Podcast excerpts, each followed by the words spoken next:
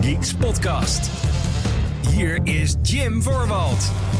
Hallo mede Gamer Geeks, wat leuk dat je luistert naar de Gamer Geeks podcast, de talkshow van Gamer Geeks, waarin ik en een andere geek soms uh, je graag bijpraten over hetgeen wat speelt in en rondom de gaming-industrie. En jeetje mina, wat is er weer veel gebeurd man! Ik ben even twee weken weg en uh, alles lijkt ontploft te zijn als het gaat om rechtszaken. Als het gaat om Nintendo, in de positieve zin dan uh, bij Nintendo. Ah oh, man, um, wel leuk dat je erbij bent. Dit is aflevering nummer 224. Datum van opname is 7-7-2023. Uh, 7 juli. Dus midden in de zomermaanden. De Summer of Gaming is voorbij als het gaat om alle conferenties en alle, alle persdingen. Alhoewel... Nintendo is ook geweest inmiddels. Dus uh, daar kan ik het uh, in deze aflevering uitgebreid met je over gaan hebben.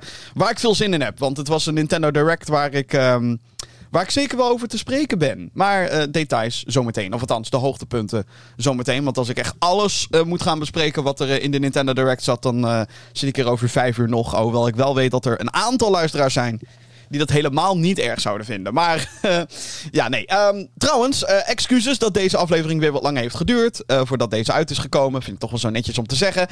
ik was namelijk op een festival. en daarvoor ook nog bij een, een optreden als het gaat om concerten en dat soort dingen. hartstikke leuk. maar zeker als het dan gaat om een festival. Beetje uitputtend wel. Toch wel. Hè? Toch, toch een beetje, beetje uitgeput. En nou ja, ik had ook weer allemaal, allemaal, allemaal lichamelijke kwaaltjes. Ja, dingen. Mm laat ik het zo zeggen. Als je continu um, dunne uitlasting hebt en je loopt rond op een festival, dat is niet fijn. Maar goed, dat is weer.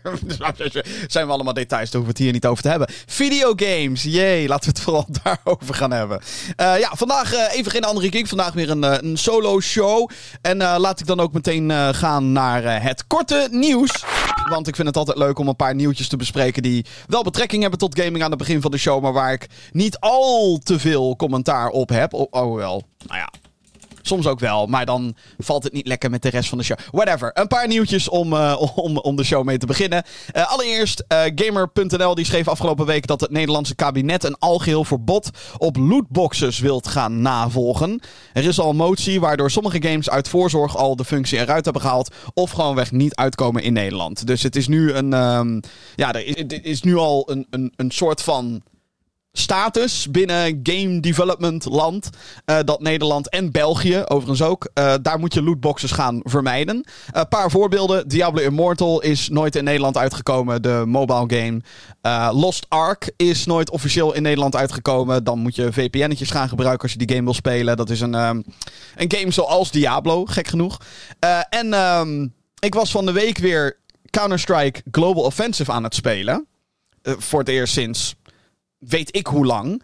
Um, ik weet niet eens waar dat vandaan kwam. Misschien omdat Counter-Strike 2 uh, op het punt staat om te releasen. Wanneer dat gaat gebeuren, geen idee. Dat zou ergens deze zomer zijn, maar zwaar. Uh, en toen kwam ik er ook achter dat ik de boxen, de, de, de dozen waar dan skins in zitten, die kan ik ook niet openen in Nederland. It's not allowed in your country, staat er dan. Uh, je kan de dozen overigens wel gewoon via de Steam Marketplace verkopen.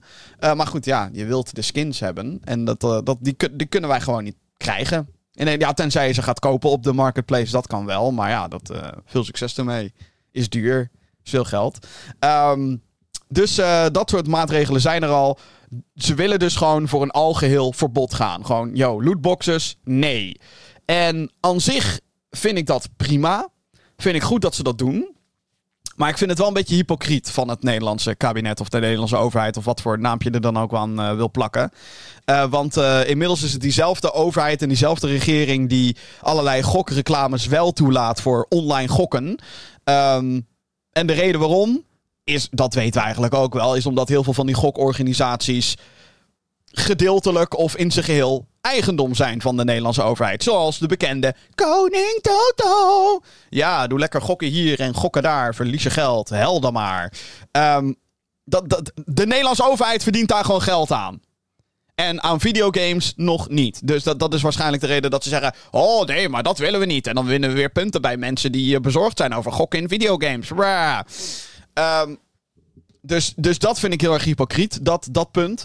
Um, en ik vind, hè, als, als we dit dan gaan doen, geef fucking FIFA of EA Sports FC, of hoe het dan nu ook gaat heten, dan eindelijk een keer die 18 plus rating. Ik weet niet wat de fuck daar gaan is, want ik zat er een beetje um, over te googlen en over te researchen as you do als je ergens in geïnteresseerd bent. En ehm, het schijnt dus zo te zijn dat PEGI, dat is de Europese klassificeringsorganisatie, dus die bepaalt wat voor leeftijd er op hoesjes komt in Europa, videogame hoesjes in Europa. Ehm, en daar staat dus als regel dat als er gokelementen in zitten, dat de game dan standaard 18 plus moet zijn. Standaard. FIFA 23 is 3 plus. Gewoon voor iedereen. Terwijl daar zit gokken in. FIFA Ultimate Team, de kaartjes, die kaartpakjes, dat is gokken. Of hebben ze dat inmiddels veranderd en weet ik daar helemaal niks van. Want FIFA, dat, geen idee. Dus als ik nu compleet out of line heb gesproken, excuses. Maar mochten Ultimate Card packs en zo er nog steeds wel in zitten. What the fuck, Peggy? Welke man bij EA heeft jullie ook een sommetje geld gegeven om te zeggen: hier, maak er maar gewoon lekker. De... Wij hebben geen. We, do not have gambling. Echt niet. Nee, nee. Ik doe nu het Jedi-handgebaar. Credits will do fine. Ja, wat een bullshit, jongens. Uh, maar ik ben wel helemaal voor het uh, verbieden van lootboxes. Mm. In videogames. Al is het alleen maar omdat ik vind dat je daardoor. Sterker nog, er zijn heel veel games daardoor hebben het niet zo lang volgehouden als dat ze het wellicht wel konden volhouden. En we zien diezelfde trend nu ook met de Battle Pass. Iets waar ik ook elke keer over weet te bitchen en elke keer erin weet te fietsen. Um, maar ja, dat is iets minder um, naaiend. Als je kijkt naar het financiële standpunt. Ik bedoel, ik weet niet wie het leuk vindt om nadat je 70 euro voor een game hebt betaald, ook nog eens uh, te betalen voor dingen waarvan je niet eens weet wat erin gaat zitten. De lootbox. Um, ik niet in ieder geval. Sterker nog, ik kan me niet herinneren dat ik ooit geld heb uitgegeven om lootboxes. Voor, voor lootboxes. Heb ik geld uitgegeven aan skins en aan battle passes? Zeker weten, 100%. Maar lootboxes? Eh. Misschien een keer een of ander pakket in Overwatch of zo. Dat ik dan een skin kreeg. En dan, oh, je krijgt ook nog 10 loot. Misschien zoiets. Maar zelfs dat kan ik me niet herinneren. Ja, nee, uh, slechte zaak wat mij betreft. Fuck lootboxes. Haal ze weg. Maar, hè, Nederland, laten we dan ook gewoon eerlijk doen en stop met gokken in zijn algeheel dan. Hè? Uh, dan, uh, ander uh, nieuwtje nog. dit was kort nieuws, hè, zogenaamd. Ja. Gamescom, die lijkt weer op de ouderwetse manier door te gaan. Xbox en Bethesda zijn erbij, zo is afgelopen week bevestigd. Eerder werd ook al confirmed dat Ubisoft en Nintendo aanwezig zijn als grote partijen op de Duitse videogamebeurs die op de 23e tot en met de 27e van augustus gaat plaatsvinden in de Koolmessen in Keulen. Zin in! Ik heb mijn perstickets binnen. Uh, dus uh, ja, zin in. Ik uh, moet nog kijken hoeveel dagen ik, ik aanwezig ben en zo. Maar ja, ik ben er nou wel een beetje excited voor. Een beetje zin in. Gamescom is echt zo'n grote beleving. Dat is niet normaal. zoveel games zijn daar. Ook in de mindere jaren. Lees 2022, vorig jaar. Toen was het toch wel een beetje, oeh, die zijn er niet en die zijn er niet en die zijn er niet. Snap ik ook wel met de hele nog nasleep van, van corona en dat soort dingen. Um, maar het lijkt weer een beetje op, uh, op uh, met kracht terug te keren. Uh, en daar heb ik zin in. gewoon heel erg benieuwd wat er allemaal, wat er allemaal te zien is. benieuwd wie ik allemaal kan gaan spreken. Want een van de tofste dingen die, wat ik dan vind, maar goed, dat is dan de privilege die ik heb. Omdat ik een persticket heb, is dat ik uh, bij, uh, met, met, een aantal ontwikkelaars kan praten in de, in de perslounge. En dat vind ik wel echt het allertofste. Gewoon uh, toch een beetje die connectie maken met de industrie zoals die is. En soms wat leuke achter de schermen verhalen te horen. Um, Overigens heb ik niet heel veel juice wat dat betreft. Dat is dan wel weer jammer. Maar goed. Gamescom uh, is weer, uh, komt weer terug. Met Xbox en Bethesda dus ook aanwezig. Krijgen we Starfield? Vraagteken. Eh, dat weet ik dus niet. Ik weet dat er al wat mensen zeggen, of althans binnen de Gamergeeks groep, die zeggen: Oh, zou Starfield speelbaar zijn? Et cetera, et cetera, et cetera. Ik twijfel daaraan. Ik. Uh... Ik bedoel, ze hebben, laat ik het zo zeggen. Ze hebben geen speelbare demo op Gamescom nodig om de game te verkopen. Dus, ja. Misschien krijgen we Cyberpunk weer. Een grote Cyberpunk uh, stand. Dat zou leuk zijn. Maar goed. Um, Gamescom. Zin in. Ja. Ja, ja, ja, ja. Oké. Uh, de studio achter The Lord of the Rings Gollum stopt met het ontwikkelen van games nadat de game gigantisch heeft geflopt. Daedalic Entertainment blijft wel games uitgeven. Ja, ik weet niet of je dit hebt meegekregen, maar een, uh, wat is het? Anderhalve maand geleden of zo. Toen kwam The Lord of the Rings Gollum uit. Een, een, een, een, een game waarin je als Smeagol slash Gollum speelt. My precious. Uh, en ja, dat, dat klein, die kleine voice line was beter dan de voice acting in de game. En dat was echt verschrikkelijk. Um, het was een game die slecht design had. Het verhaal sloeg nergens op in de context van The Lord of the Rings, The Lord of the Rings universe. Um, de gameplay was shit. Het was buggy. Het was, het was lelijk. Het klonk voor geen meter. Zeg maar alles wat slecht kan zijn aan een game. Dat is slecht in The Lord of the Rings Gollum. In eerste instantie hadden ze nog hun excuses aangeboden. Met zo'n typische JPEG-tweet van... Oh, oh, oh, ja, we gaan de kwaliteit verbeteren. En we gaan bugs eruit halen. Terwijl ik denk, ja, maar de game is fundamenteel shit. En daar hoef je niet eens voor gespeeld te hebben. Kijk maar gewoon naar beelden en je, en je ziet dat het verschrikkelijk is. Um, maar uh, die hebben dus nu gestopt, uh, of uh, nu besloten, weet je wat, we gaan gewoon helemaal geen games meer ontwikkelen. want deze, dit trauma willen we niet nog een keer. Ik denk dat het gewoon een, een gevalletje is dat een, een studio die voor het eerst begint met het ontwikkelen van een game, is dan veel te ambitieus als het gaat om wat kunnen we doen. Want ik denk niet dat, ik denk dat het, het, het idee achter een game rondom Gollum zou best kunnen werken. Maar dan moet je daar wel echt gewoon hele getalenteerde en ervaren ontwikkelaars op zetten. Die echt heel erg goed weten wat ze doen. Die heel erg goed snappen wat goed game design is. En meestal moet je daar wel wat meerdere games voor gemaakt hebben voordat je zo'n project kan tackelen. Ik zeg niet dat debuutgames, dus mensen die voor het eerst aan een game werken, dat die niks kunnen. Dat is niet waar. Um, maar als, als je het dan hebt over een, een IP als The Lord of the Rings, dan moet je wel echt met iets komen. En dit was gewoon far above their league. Dat is, uh, nee, niet te doen. Dus um, ja, Daedalic blijft uh, games uitgeven. Ik vraag me trouwens wel af, want Daedalic zou ook aan een tweede Lord of the Rings game werken. Die hadden ze al aangekondigd voordat Gollum uitkwam. Um, dus wat gaat daarmee gebeuren? Gaan ze die gewoon aan een andere studio geven? Van, please, maak dit. Of is het klaar? Want ik kan, me ook bijna niet voorstellen dat, dat ze winst hebben gemaakt op uh, Gollum. Ik denk dat het vooral heel erg hard is uitgelachen op het internet. En als het een keertje voor 10 euro uh, ergens te vinden is, voor PS5 of zo, dan, uh, dan wil ik dat wel een keertje uitproberen. Voor de grap. Ik, heb ook ik heb ook Balen Wonderworld twee keer. Voor PS5 en voor Nintendo Switch. Want het is hilarisch. Die game, die game is ook echt heel erg slecht. Hoe duur is... Wacht. Budgetgaming.nl. Meteen even uitvogelen. Hoe duur... Hoeveel kost The Lord of the Rings column? Zal het nog niet heel goedkoop zijn, denk ik. Kijk hoor. Oeh. Ja, het is al wel uh, gezakt naar uh, rond de 30 euro, zie ik hier. Game launch als 50, geloof ik. 60 voor de My Precious Edition of zo. Waarbij, dat is ook zo raar. Die game heeft dus een elfentaal. Dus hè, de, de elfen in Lord of the Rings spreken elfentaal. En die elfentaal is alleen te vinden in de wat deluxere uitvoering van de game. Like, what the fuck is dat? Bullshit. Bullshit. Ja, nee, die prijs kan veel lager. nee, ik ga dat niet voor 30 euro, dat grapje doen. Nee, nee, nee, nee, nee. Dat moet echt veel lager. Oké, uh, The Lord of the Rings Golem. Een flop. Ontwikkelaar stopt ermee. Dat was wel heel erg. Dat had ook gekund, dat ik het zo kort had gehouden. Um, dan laatste korte nieuwtje. Kotaku-website. Die beweert dat er een remake aankomt. van Assassin's Creed 4 Black Flag.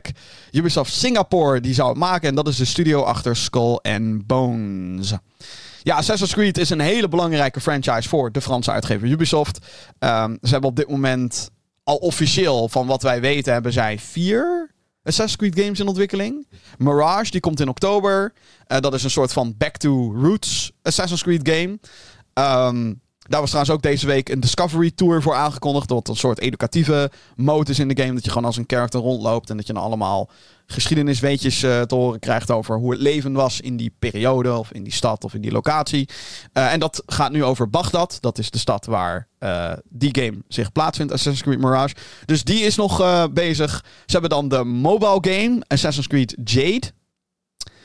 ze hebben de Nexus VR heb ik het in de vorige aflevering over gehad. En ze hebben dan Red.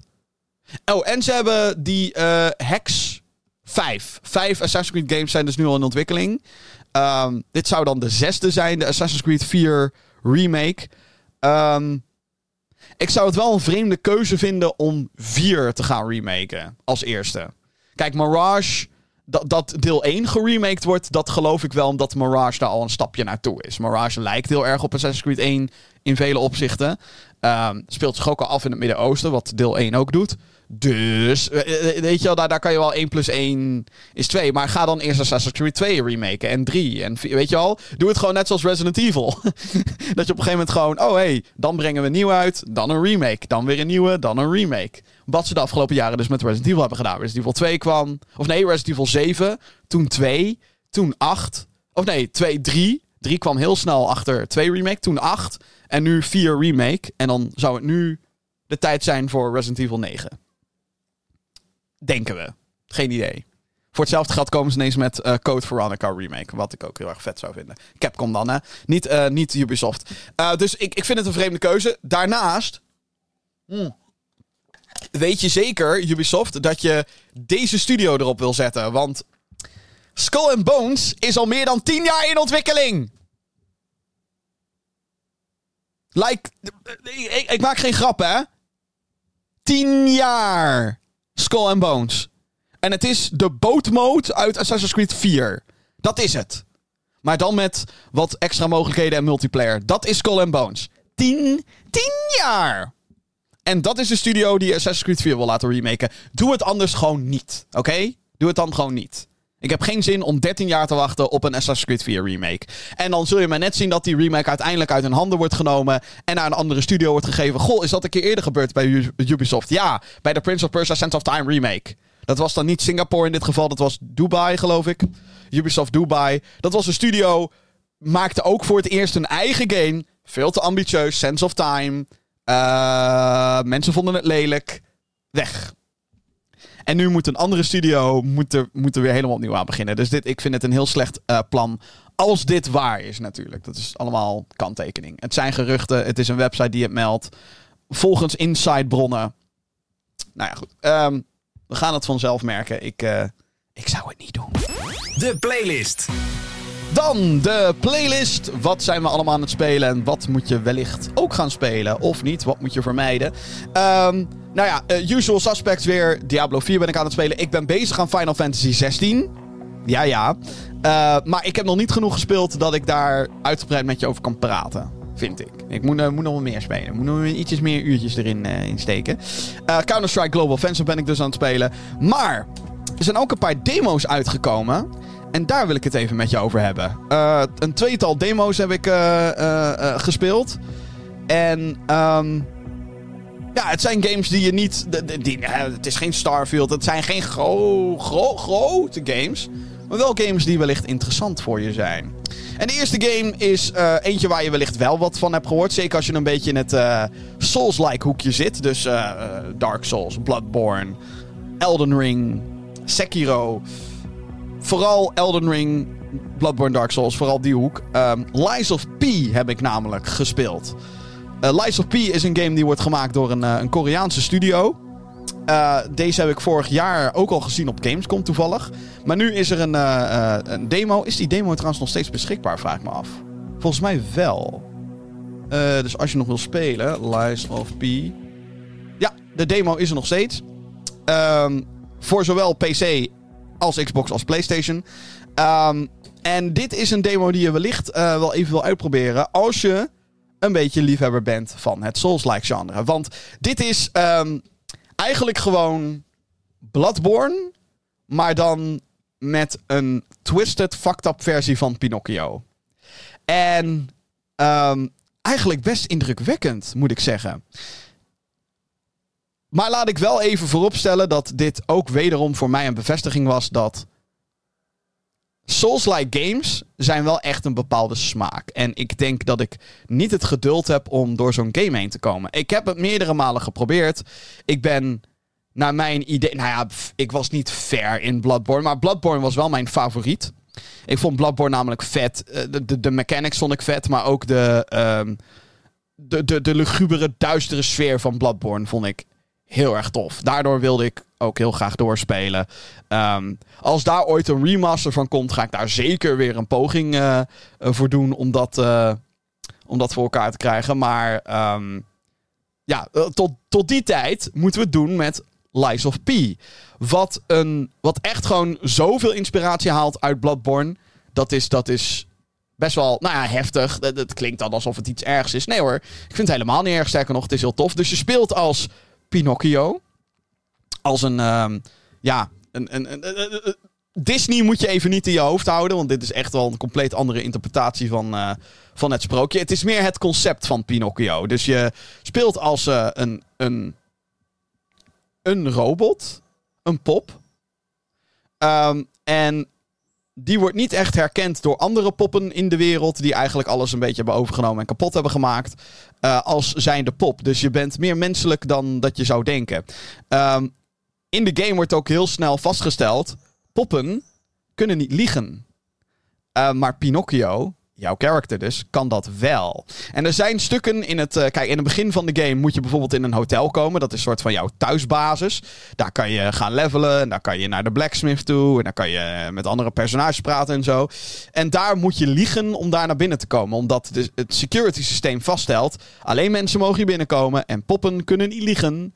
Dus jij bent een mens. Maar Pinocchio kan dat dus wel. Uh, maar later uh, zijn er ook in de game, althans in de demo was er al een sidequest dat ik een, een baby moest, uh, moest redden voor iemand. Maar dat was een babypop.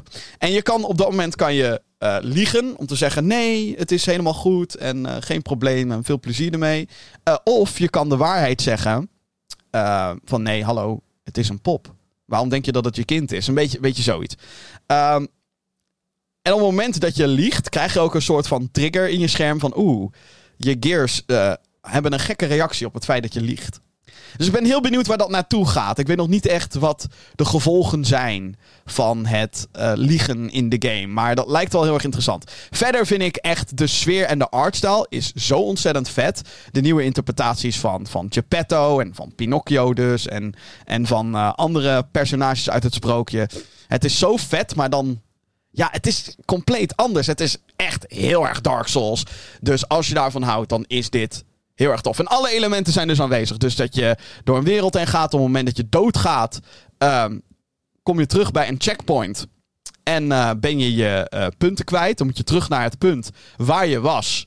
Om jouw, ja, jouw souls, zeg maar, te, te, te, te, te herstellen. Te recoveren. Uh, en met die souls kan je wapens upgraden. En, en zelf levelen. Dus het is best wel cruciaal dat je die dingen behoudt. Uh, en het is heel moeilijk. Je hebt dodges, je hebt uh, parries, je hebt uh, lichte aanvallen, zware aanvallen. Um, bestaande uit een aantal melee wapens. En die melee wapens, wat wel cool is, is dat er ook een systeem in de game zit waarbij je de hendel en ja, het, het hoofdgedeelte van je wapen kan je van elkaar afscheiden en met elkaar combineren. dus als je het hebt over een zwaard, heb je natuurlijk het ja, de blade en dan de handle die je hebt. En die hebben verschillende stats. Die kan je dus op een bepaald moment uit elkaar halen en met elkaar combineren, zodat je een sterkere combinatie kan creëren of bepaalde attributen. Dus volgens mij is het zo dat de handle bepaalt wat voor type move je kan doen en wat de houding is van jouw character in de game. Dus dat is heel vet. Uh, dat is een extra dingetje die, um, geloof ik, niet in de Souls-like games die we tot nu toe hebben gehad. Um, maar uh, doe dat niet als waarheid beamen, want ik heb weinig ervaring met dit soort games. Um, maar ik vond, het, uh, ik vond het heel erg cool. Ik vind Lies of P echt heel erg vet in dat genre. Het is voor mij wel weer de uh, bevestiging. Ik ben zo niet goed in dit soort games. Het is zo niet mijn type game. Um, ik, ik, ik ben namelijk iemand die niet heel veel geduld heeft. En juist in de Souls-like-achtige games ze zijn best moeilijk. Het is echt ongenadelijk, dit. Het, het, het, het, is, het is gewoon... hey, hier is een bos. En die kan je binnen twee hits killen. Dus je moet dit patroon van die bos... moet je 100% moet je... Dit moet jij masteren gewoon voordat je het kan verslaan. Of je moet meer gaan grinden, meer gaan upgraden. En dan helpt het je een klein beetje misschien. Um, dus dat is, dat, eh, het is lastig. En ik merk gewoon dat ik niet het geduld heb om me daar continu, door, uh, continu doorheen te ploeteren.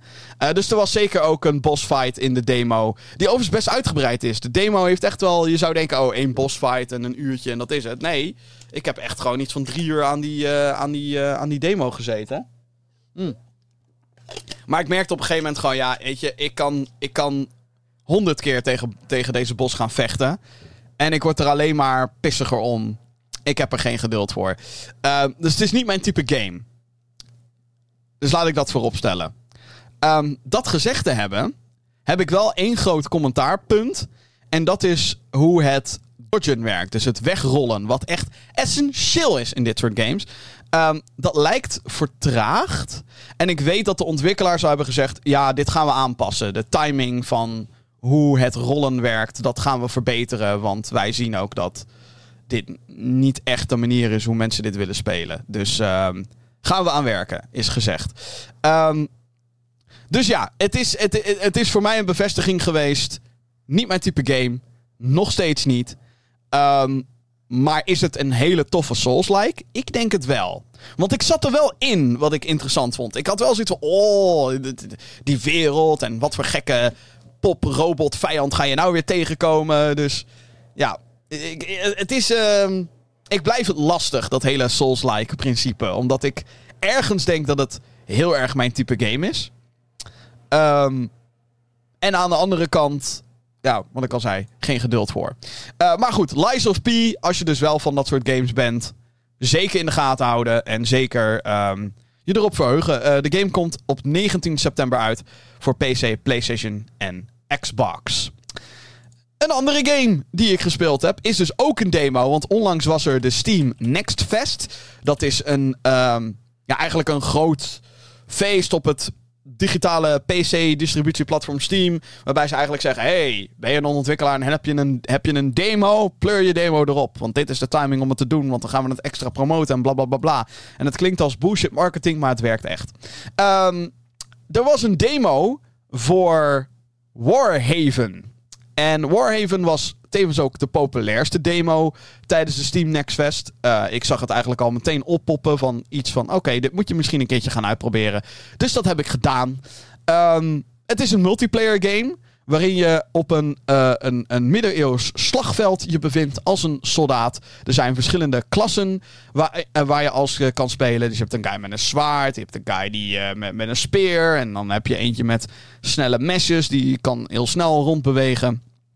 En het doet in die zin een beetje denken aan For Honor, de Ubisoft game. Um, alleen dan met nog wat meer fantasy elementen. Alhoewel, ik heb For Honor ook al zo lang niet meer gespeeld dat ik echt geen idee heb hoe die game tegenwoordig is. Maar Warhaven heb ik dus wel even gespeeld. En ik ben een beetje gemixt op deze game. Um, ik vind het principe namelijk heel erg tof. Uh, een, een multiplayer game waarin je met zwaarden.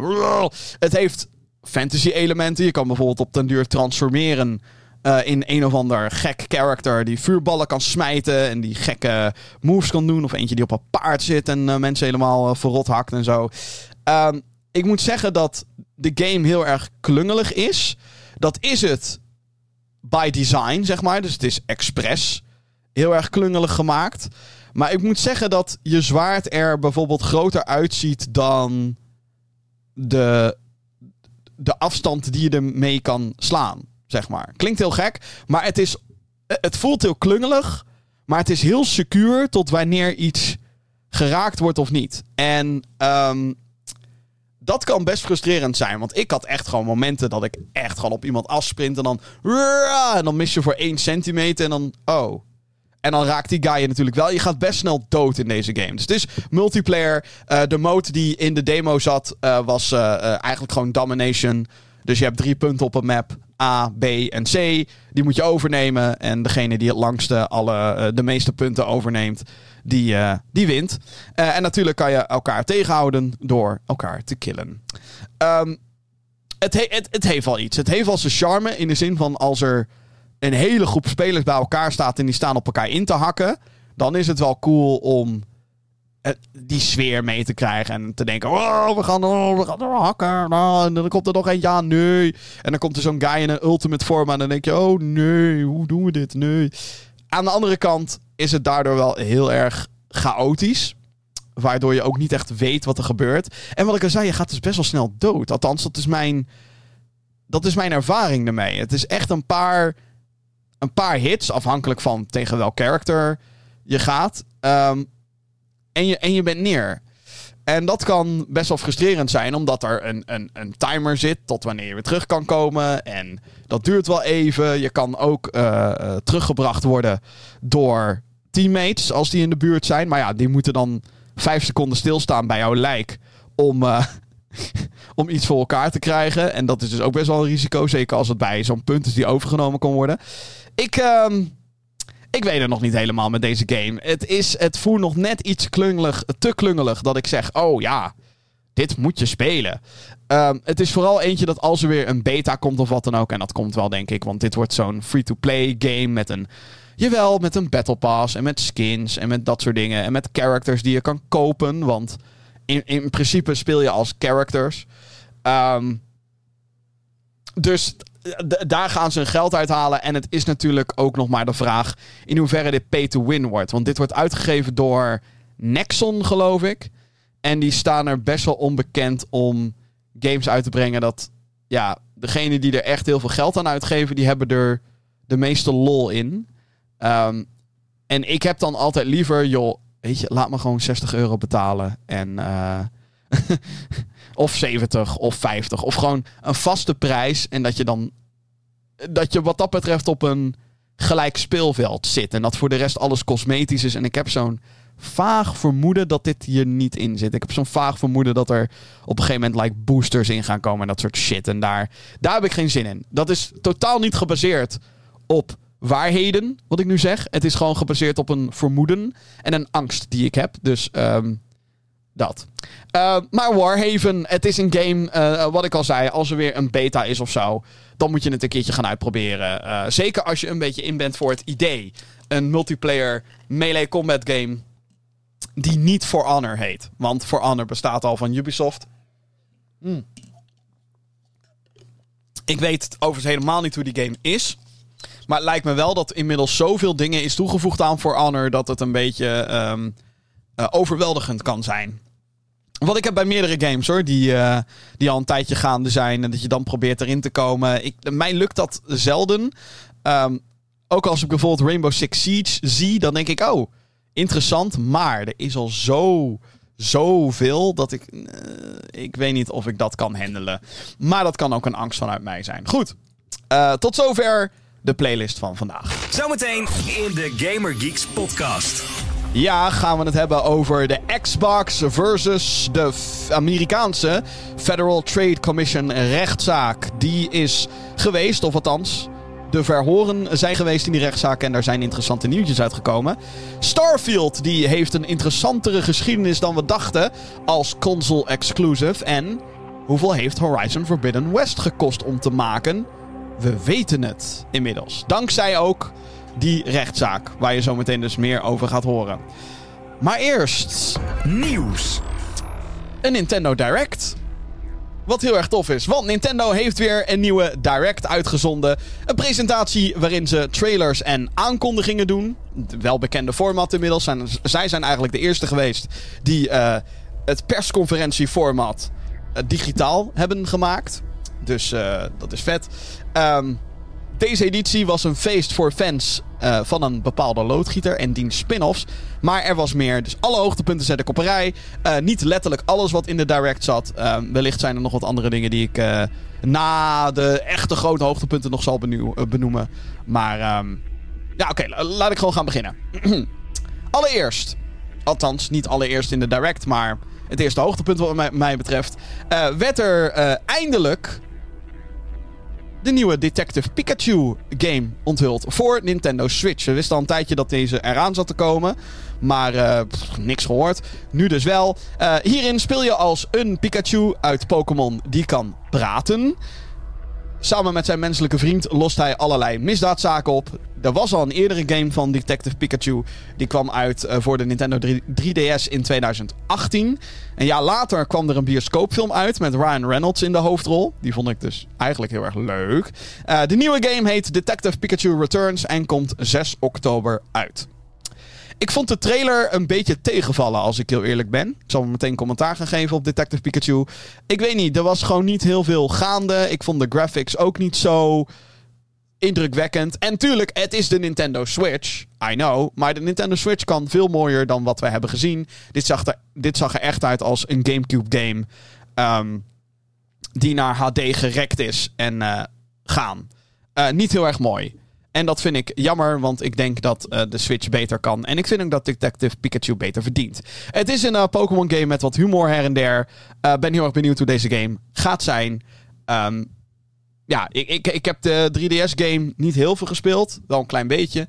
Ehm, maar ja, ik vond het wel, eh, ik vond het wel tof. Zelf. Eh, dan, de aankondiging der aankondigingen. Wat mij betreft dan voor deze Nintendo Direct. Holy shit, de hype. Super Mario RPG krijgt een remake. Oh, maar dat de fuck dat ik dat kan zeggen, jongens. Dat is toch fucking vet. Eh, de game kwam van origine uit in Japan en Amerika in 1996 op de Super Nintendo. Europeanen kregen de game officieel pas op de Wii, waar het werd uitgebracht op de Virtual Console. Later was de game onderdeel van de line-up voor de Super Nintendo Classic Mini. Je weet wel, die mini-consoles. De game werd van origine ontwikkeld in samenwerking met Square Enix. En eh, in de game speel je als Mario, die door de Mushroom Kingdom heen reist nadat een gigantisch zwaard de Star Road breekt. Daar waar alle wensen uitkomen. Huh, maar dat kan dus niet meer nu. Ah, geweldig. Eh, de game heeft eh, nooit een vervolg gekregen, maar legde wel het fundament voor de Paper Mario en Mario Luigi series. De remake lijkt vooral een grafische update te zijn op de game. Opvallend genoeg is de subtitel Legend of the Seven Stars gedropt. Op 17 november verschijnt Super Mario RPG voor Nintendo Switch. Dames en heren, wat een te gekke aankondiging was dit. Ehm, Super Mario RPG is een game waar ik eh, heel veel fijne herinneringen aan heb. Aan, heb sorry. Ik ehm, weet dat ik eh, heel lang geleden als jochie kreeg ik een CD tijdens kerst van mijn vader. Uh, met daarop allemaal emulators en ROMs. Wat zeg jij nou, Jim? Nee, jawel. En een, een, een ROM die ik heel veel gespeeld had, was de Super Mario RPG. We wisten niet beter toen. Um, en echt op het moment dat hij dus ook uitkwam op Virtual Console, gehaald. Toen de Super Nintendo Classic Mini aan werd gekondigd met Super Mario RPG. Ik heb dat ding gehaald. Sowieso vond ik dat ding heel vet. Um, dus in die, ik, ik heb die game echt wel volgens mij net niet uitgespeeld als kind. Uh, dus, maar ik kwam heel ver en ik vond het geweldig. Ik vond het fantastisch. Uh, en dat deze game nu een remake krijgt, is wel echt een, een, een droomaankondiging wat dat betreft. Ik vond het zo vet dat het werd aangekondigd. En het ziet er heel erg vet uit. Ze hebben echt de stijl van het origineel hebben ze behouden. Geupgrade met echte 3D graphics. De muziek wordt gecomponeerd door dezelfde uh, componist die het origineel heeft gedaan. Wat heel erg uh, gaaf is. Uh, en, en, wat Super Mario RPG zo bijzonder maakt is voor mij echt de uitbreiding van de Super Mario wereld. En in, in, in de moderne zin, in, in, door de ogen van 2023, weet ik niet of dat net zo sterk werkt als toen. Ik bedoel, ik speelde, game, ik speelde de game ook niet in 96. Ik speelde het wat later. Um, en door een emulator. Uh, en dat is iets wat Nintendo natuurlijk helemaal niet leuk vindt. Maar goed, ik had toch geen andere keus. Um, en daardoor ben ik nu extra hyped dat ik de nieuwe versie kan gaan spelen. Um, op het moment dat die uitkomt. Uh, maar het is, het is een vette artstijl. Het verhaal is leuk. Terwijl Mario zelf nooit wat zegt. Mario spreekt niet in de game. Hij doet altijd hele overdreven nee schudden en heel overdreven ja knikken. Um, er zijn andere personages die praten originele personages zoals Mello en Gino. En ik was altijd pissig. Nog steeds. Sakurai. Waar de fuck is Gino in Smash Ultimate? Oh, maar hij is er als me-costume. I don't care. Ik wil hem als character in Super Smash. De volgende Super Smash moet Gino hebben. Anders Riot. Nou, niet. Maar, hè? Bullshit. Anyway. Uh, uh, het is fantastisch. De muziek is ook geweldig. Het is een soort van... Ja, ik ga niet dingen spoilen natuurlijk van de game, maar het viert allerlei elementen van Mario en doet dat op zo'n... Het is aan de ene kant een hele aparte sfeer, maar het voelt ook weer heel erg vertrouwd. Ik weet niet hoe Square, hoe Square Enix dat toen de tijd heeft gedaan, maar zo ontzettend goed. I love it. Super Mario RPG is zo vet. En stiekem hoop ik dat dit gaat leiden tot een direct vervolg van de Super Mario RPG serie. En ik hoop dan ook dat deze game als een idioot gaat verkopen. Of dat gaat gebeuren, moeten we nog maar zien, gezien de release timing en wat er nog meer komt vanuit Nintendo's hoek dit najaar. Um, Maar ik hoop echt dat dit echt gewoon keihard gaat scoren. Net zoals dat Metroid Prime Remastered eerder dit jaar uh, het supergoed deed in een hele korte tijd. Koop deze game. Of nou ja, misschien is dat veel te biased dit. Maar laat ik het zo zeggen. Paper Mario is de laatste paar edities heel erg afgezwakt als het gaat om zijn RPG-elementen. En dat vind ik jammer. Dan denk ik, nee, het, is, moet een RPG zijn. Weet je wel? Paper Mario en The Thousand Year Door, heb ik gehoord, waren heel erg goed. Dus ik, ik had trouwens dat in eerste instantie nog verwacht. Dat Paper Mario The Thousand Year Door, de Gamecube game, een remaster zou krijgen op uh, Switch. Misschien komt dat nog.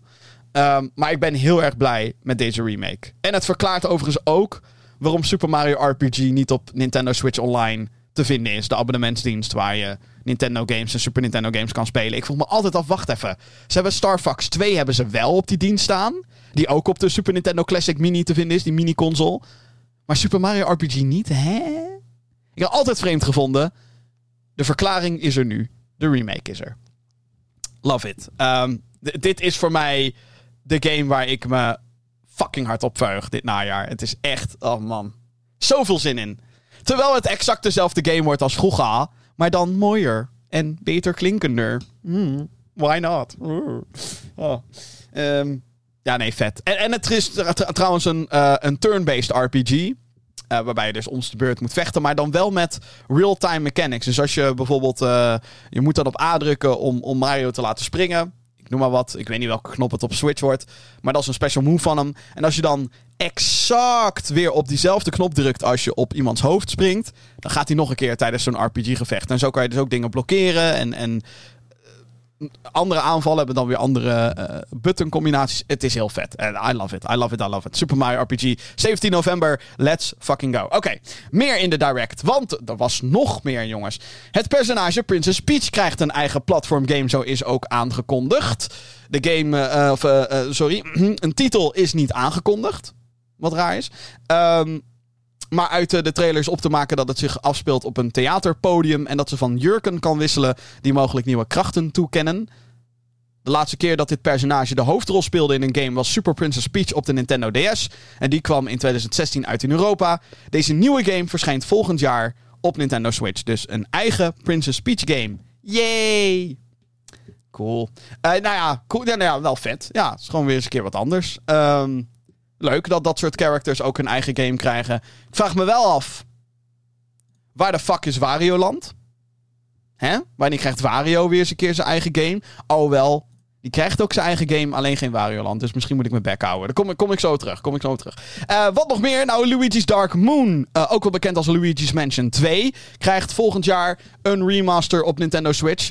De originele versie kwam in 2013 uit op de 3DS. Die versie vormde ook de basis voor Luigi's Mansion arcade kast. Die heel erg vet is. Als je die ergens ziet, ga dat spelen, want dat is heel vet. Um, uh, meer details over de remaster zijn eigenlijk niet bekend. Dus er komt een, een Luigi's Mansion 2 remaster. En that's it. Uh, de trailer zag ook best wel choppy uit qua framerate. Maar die is duidelijk nog lang niet af. Um, dus we gaan het zien. en dan hoop ik stiekem ook wel dat Luigi's Mansion 1 nog een remaster krijgt op Switch. Want dan heb je namelijk de Luigi's Mansion Trilogy. Zou ik dan weer cool vinden. Misschien dat ze dat ook gaan doen, want Luigi's Mansion 1 werd ook geremaked, mastered, whatever, op Nintendo 3DS. Na Luigi's Mansion 2, dat zei ik al. Hè? Dus 2 en 1 waren al te spelen op 3DS. Nu is alleen 3 te spelen op Switch. Straks 3 en 2 en dan 1 nog. Zou ik wel vet vinden als dat, uh, als dat het geval zal zijn. Maar of dat gaat gebeuren, geen idee. Um, over een paar weken dan verschijnt Pikmin 4. Dat is, uh, was waarschijnlijk al bekend. 21 juli is de exacte datum. Uh, naast de nieuwe trailer voor de game werd onthuld dat de eerste twee Pikmin games nu beschikbaar zijn op de Nintendo eShop. In september komt er een fysieke versie van uh, de games uit. Dus Pikmin 1 en 2. Dit betekent dat de gehele hoofdserie aan Pikmin games beschikbaar is op Nintendo Switch.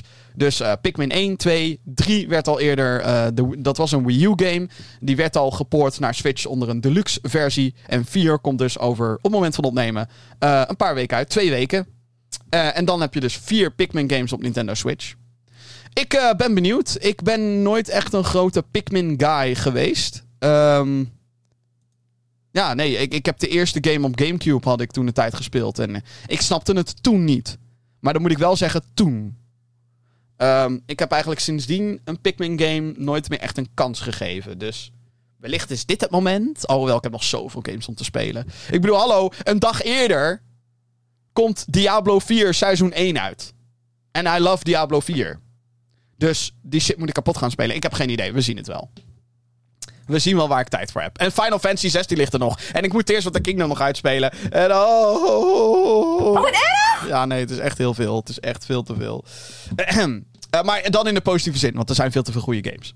Goed, uh, meer Nintendo Direct, jazeker. Uh, er is een nieuwe WarioWare game in aantocht. Dus ja, Wario krijgt wel zijn eigen game, maar het is een WarioWare game. dit is een serie waarbij je zogeheten microgames speelt. Hele korte opdrachten die slechts een paar seconden duren. En dat heeft echt wel zijn eigen charme. De franchise begooit, begon ooit op de Game Boy Advance en, en is sindsdien op elk Nintendo-platform verschenen. Het nieuwe deel heet WarioWare Move It, uitroepteken. En richt zich op microgames waarmee je met de Joy-Con controllers gekke bewegingen moet doen. Op 3 november verschijnt deze game. Um, dit ziet er heel erg tof uit. Uh, I love it. Ik vond Smooth Moves, heette die geloof ik op de Wii, was echt wat te gek. Eigenlijk is dit gewoon het spirituele vervolg op de Wii-versie. Uh, je had ook nog Game Wario op de Wii U. En op de Game Boy Advance hadden ze volgens mij ook uh, op een gegeven moment eentje met een tilt-functie. Dat je zo'n motion sensor in de cartridge had. Of ben ik dan in de war met een Yoshi-game? Volgens mij allebei. Um, maar ja, gewoon, het, het is super wack, deze game. Het is super geinig, het is melig en het is weird. Eigenlijk uh, wat exact bij Wario hoort en dus ook bij WarioWare. Dus um, ja, leuk. 3 november. Dus dit is al... Het is best wel een heftig najaar al. Ik bedoel, we krijgen dus... Pikmin krijgen over een paar weken, dus niet najaar. Maar dan krijgen we dus Detective Pikachu op 6 oktober. Dan krijgen we op 17 november Super Mario RPG. 3 november WarioWare. Komt er dan nog meer? Oh ja, zeker. oh ja, zeker. Want de laatste aankondiging van de Nintendo Direct was een nieuwe 2D Mario game. Super Mario Bros. Wonder is de naam. Naast de nieuwe artstyle kan het level veranderd worden in een Wonder-versie, waarbij elementen veranderen. Er is ook een power-up waarbij Mario kan transformeren in een olifant. Wat? Uh, en naast Mario zijn Luigi, Peach, Toad en voor het eerst Daisy speelbaar. En dan heb ik het over speelbaar in een 2D Mario game. Want Daisy had je al wel een Mario Kart en Mario Tennis en dat soort shit. Maar ik heb het over echt speelbaar nu. Uh, anyway, en er is weer uh, multiplayer aanwezig, dus dat je met meerdere spelers uh, rond kan huppelen. Yoshi maakt ook zijn comeback als een, nou ja, ik wil niet zeggen als een item, maar als een beestje waar je op kan springen. Op 20 oktober verschijnt deze game voor Nintendo Switch. Um, Wauw. ik had eigenlijk niet gedacht dat we na Super Mario Maker 2 nog een 2D Mario game zouden krijgen. Um, of althans voorlopig niet. Natuurlijk, weet je, kwestie van tijd allemaal. Um, want Super Mario Maker 2 was toch wel gewoon... hey, hier is alles wat 2D Mario tot nu toe is. Hè? Super Mario Bros. 1, 2, 3, World en de nieuwe Super Mario Bros. Uh, serie. Allemaal in één game. En je kan dan je eigen levels maken. Je eigen werelden kan je zelfs maken. Ik bedoel, dat is wat mij betreft de pinnacle van 2D Mario. Dus je zou denken, het duurt even. En dan komt er een trailer uit als Super Mario Bros. Wonder. En het ziet er zo vet uit. Het is zo cool. Het is weer eindelijk een net wat andere artstijl voor Mario. Het is nog wel heel erg. Het is Mario, weet je wel? Het is geen, geen twijfel mogelijk dat dit een Nintendo-game is. Maar het is eindelijk weer even iets nieuws. Want die nieuwe Super Mario Bros. stijl was leuk, maar het was wel echt de meest. Het was zo generiek Mario als dat je generiek Mario kon maken. En zeker toen ze continu die nieuwe Super Mario Bros. games eruit bleven kakken. Ik was er wel klaar mee na twee. Zeg maar. Na twee games. Dus dan heb ik het over uh, de eerste en voor de Wii. Um, het ziet er zo. Uh, het schreeuwt creativiteit. Laat ik het zo zeggen. En dat is denk ik exact wat Mario op dit moment even nodig heeft. Sowieso, Mario games zijn altijd supergoed door die creativiteit die erin zit. En dit was zo vet. Het is. eh, eh, Ik kan. Het is zo lastig te omschrijven, maar ik voelde me. Ik weet nog wel, de eerste keer dat ik de trailer zag, zat ik zo van. Huh? Wat gebeurt hier allemaal? Gewoon echt letterlijke. Huh? Wonder? Hij wordt een olifant. Like, wat? Hè? En toen ben ik de trailer nog een keer gaan kijken en nog een keer en nog een keer. En steeds meer kreeg ik dat nostalgische gevoel. Dat hele. Weet je, dat je voor het eerst Super Mario Land 2 in je Game Boy doet, opstart en dan gewoon helemaal. Oh, het is nieuwe Mario. Weet je, echt. Het is nieuw. Echt nieuw, nieuw Super Mario Brothers. De eerste keer dat je Super Mario World speelde. De eerste keer dat je nieuw Super Mario Brothers in je Nintendo DS klikte en dacht: oh my god. De eerste keer dat je Super Mario Sunshine in je Gamecube deed. En oh my god. Mind, Mario Galaxy. Mind blown, weet je al? Dat gevoel kwam steeds meer bij mij. En ik vind de artstyle zo vet. Het is zo cool. En ehm, I love it. Ik, weet je, ik, ik ben niet per se de allergrootste Mario-fan die er is. Ik zou ook veel liever een 3D Mario-game hebben gehad dan een 2D Mario-game, zeg ik er ook heel eerlijk bij. Maar als een 2D Mario-game er dan uitziet zoals Super Mario Bros. Wonder eruit ziet... en als het dan ook echt erop lijkt dat alle creativiteit erin wordt gedouwd... en dat ze nog lang niet uitgespeeld zijn als het gaat om 2D Mario... doe maar, kom maar op. Ah, echt, oh, wat goed. Dus, wederom resume. Wat een druk najaar wordt het voor, voor Nintendo. Het is wel een bepaalde smaak die je moet hebben. Eh, ook als we meteen even kijken naar de Nintendo Direct in zijn geheel. Heel veel Mario nieuws. Hè? Super Mario RPG, Luigi's Mansion, Princess Peach Game, eh, eh, Super Mario Bros. Wonder. Heel veel Mario. Dus als je niet van de Mario bent, maar wel fan van andere Nintendo franchises, dan denk je wellicht wat een kut direct was dit. Ik vond het een fantastische direct. Het was 40 minuten lang. Er zaten verrassingen in, zoals een Super Mario, Mario Bros. RPG. Er zaten ook nog wat andere games in waar ik het zo nog even kort over wil hebben.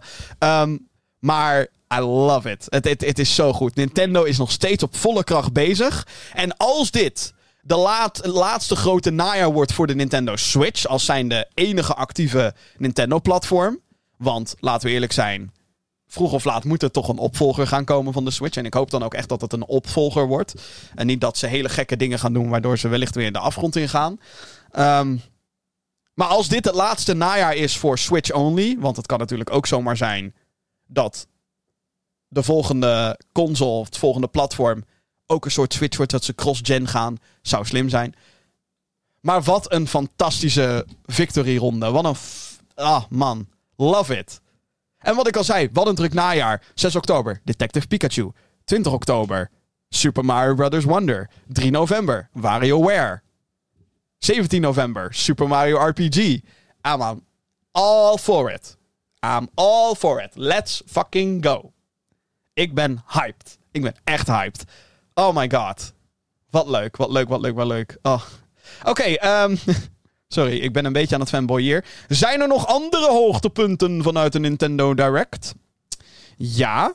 Ehm, wat ik bijvoorbeeld heel vet vond, was de aankondiging dat Vampire Survivors naar Nintendo Switch komt. Dit is een. ehm, ja, hoe moet je Vampire Survivors nou in godsnaam gaan omschrijven?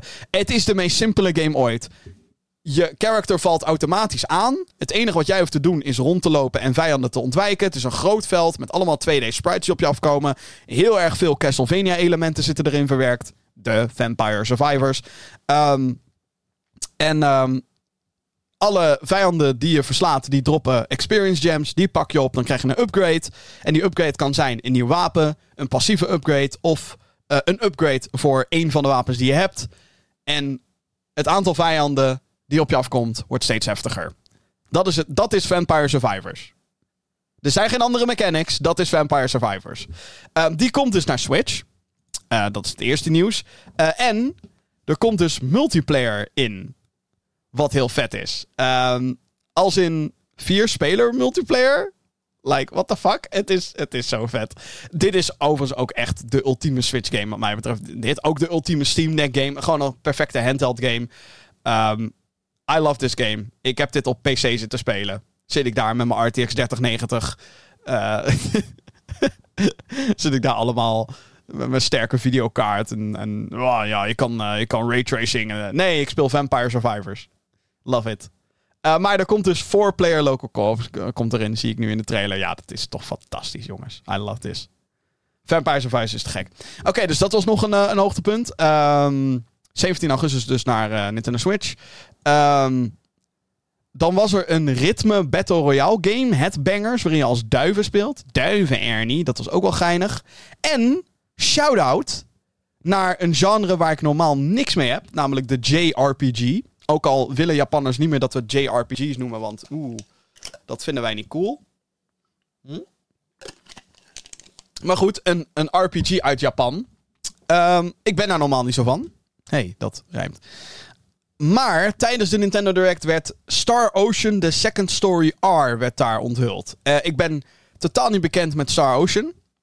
Maar ik vond de stilo die ze hier aannamen wel echt heel vet. Dus het zijn 3D-omgevingen waarbij 2D-sprites aan het rondlopen zijn. Het doet in die zin een beetje denken aan Octopath Traveler qua artstijl, maar dan de omgevingen zijn nog meer 3D. ik, ik, ik, weet niet. Er, er, was iets aan deze trailer en aan de presentatie van deze game waarvan ik dacht: hey, dat ziet er wel echt heel erg vet uit. Um, dus ja, dat, dat shout-out naar die game. Ik weet niet meer wanneer het uitkwam. Volgens mij ook in november. Was het ook niet in. Um... Ik ga even rondskippen in die trailer even kijken. Was het wanneer? 2 november. Oei. Dat is wel heel erg in de buurt van. Uh... van Super Mario RPG. En waarschijnlijk zit ik dan nog steeds aan de Starfield en dat soort dingen. Er zijn te veel goede games, jongens. Er zijn echt veel te veel. Ik heb het al vaker gezegd. Als, uh, als we met de gehele gaming-industrie gewoon zouden zeggen: joh, we stoppen er voor een jaar mee. Ik zou daar meer dan content mee zijn. Uh, nee, de Nintendo Direct. Ik vond het een geweldige presentatie. Um, super veel toffe games. Er was veel indie. Er was veel vanuit Nintendo's hoek. Wel veel Mario, maar vind ik persoonlijk niet erg. En uh, een goede blik op het najaar. Uh, en wat er dan in 2024 gaat gebeuren. Nou ja, een Princess Peach game en een Luigi's Mansion remaster. En voor de rest uh, moeten we het maar gaan zien. Goed, tot zover de Nintendo Direct. En dan gaan we naar het andere grote nieuws, of eigenlijk bron van nieuws. Namelijk um, een rechtszaak. De Amerikaanse. zo. De Amerikaanse. Uh, God, waar, sta, uh, waar staat het eigenlijk voor? De FTC stands for. Fair, geloof ik. Oh, Federal, sorry. de Amerikaanse Federal Trade Commission. Ik had hier namelijk Freight neergetikt. In mijn documentje. Dat is niet zo handig. Freight. Freight Trade Commission. Zullen we re renamen daarnaar? Anyway. Even professioneel doen, Jim. Ja, oké, gaan we. De Amerikaanse Federal Trade Commission heeft Xbox voor de rechter gesleept vanwege de mogelijke overname van Activision Blizzard. De uitgever en studiogroep achter onder andere Call of Duty, World of Warcraft, Tony Hawk, Diablo, Spyro, Candy Crush en Crash Bandicoot.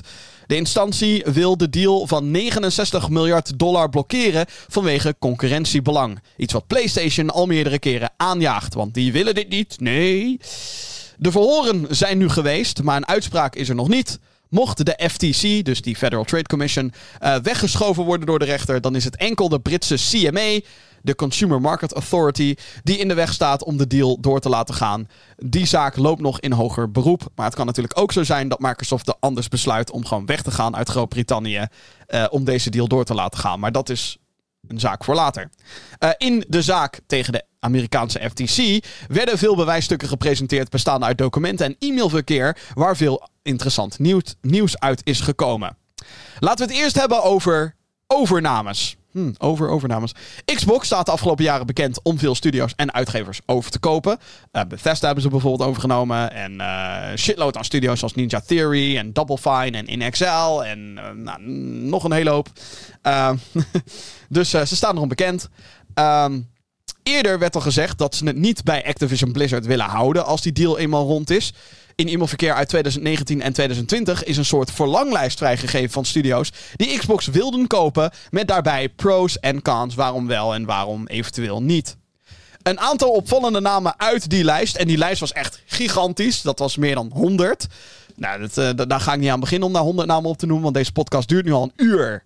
Jeetje, het duurt nu al een uur. Godsamme. Uh, en uh, dan, dan zouden we hier over vijf uur nog zitten. Nogmaals, sommige luisteraars zouden dat niet heel erg vinden, maar whatever. Oké, een aantal opvallende namen dus. Allereerst Bungie. De studio achter de originele Halo games en Destiny. Uh, die werden heel toevallig afgelopen, uh, afgelopen vorig jaar januari gekocht door PlayStation voor 3 miljard dollar. En dat zou echt hilarisch zijn geweest, want Bungie was al eerder van Microsoft. Zijn toen afgesplitst van elkaar. Toen bleven ze even met Activision rondom uh, Destiny. Ze waren geen eigendom van Activision overigens. Ze hadden alleen een deal met Activision, een uitgeversdeal.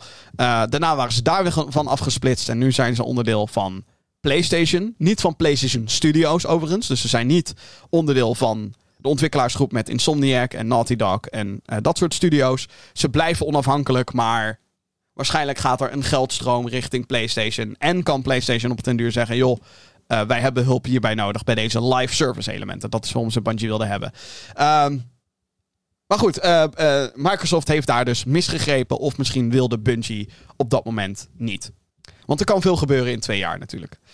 Dan de tweede naam, uh, opvallende naam, was Housemark. Dat zijn de makers van Resogun en Returnal.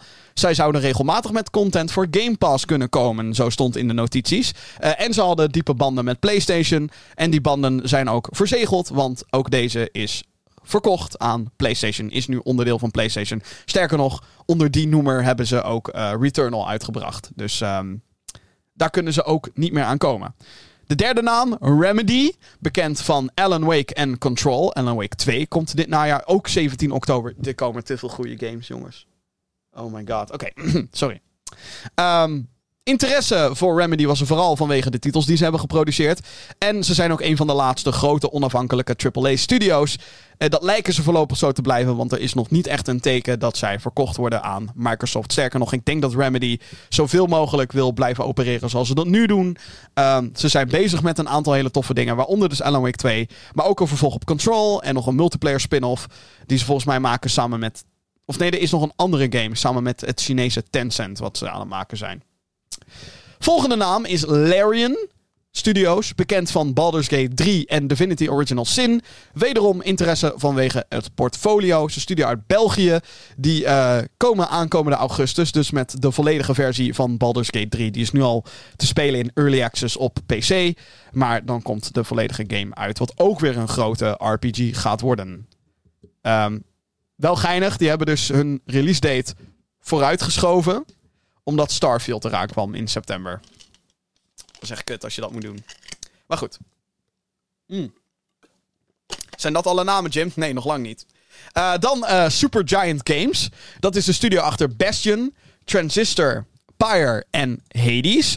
Uh, zij hebben volgens Xbox een sterke, creatieve visie. en durven ze concepten uit te proberen. Uh, maar ze hebben waarschijnlijk de behoefte om indie te blijven. Zo stond in de, in de, in de notities. Uh, dat uh, is waarschijnlijk ook wel zo. Waarschijnlijk willen ze ook indie blijven. Wel een naam die je wil hebben. Of je nou PlayStation, Nintendo of Xbox bent. Of een andere uitgever. Sterker nog, ik denk dat zij al weet ik hoeveel aanbiedingen hebben gehad van meerdere uitgevers. Om, om overgenomen te worden. Want Supergiant is een fantastische naam. Alles wat ze hebben geproduceerd tot nu toe is van torenhoge kwaliteit. Hades is wat dat betreft ook wel het hoogtepunt tot dusver. Er komt een vervolg overigens, Hades 2. En ik ben heel benieuwd hoe dat gaat uitpakken. Omdat dat ook de eerste keer is dat ze een direct vervolg maken, Supergiant. Uh, maar verder houden ze dus wel van risico's nemen. En in dit geval is zelfs het maken van een vervolg een risico. Um, dus ja, dit is inderdaad een naam die wil je hebben. Um, maar dat is niet gelukt. Ik denk ook niet dat ze dat uh, voorlopig gaat lukken. Ik denk dat als Supergiant Games op de manier door kan gaan. Net zoals Remedy overigens. Zoals ze voorlopig doen. Uh, of dat, dat, ze, ze willen gewoon doorgaan waar ze mee bezig zijn. En daar is denk ik niks mis mee. Niet alles hoeft overgenomen, hoeft overgenomen te worden, hè, jongens. Dat is ook wel weer zo. Ik bedoel, het, het is leuk voor Xbox als ze. Sterker nog, Supergiant zou zomaar een van de MVP's kunnen worden van Xbox. Als ze het zouden hebben overgenomen. Dus um, wel good call, though. Wel een hele goede call.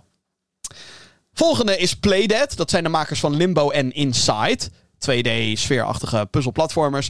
Uh, inmiddels is een van de oprichters een andere game gaan maken. Dat was Somerville. Die al te vinden is op Game Pass.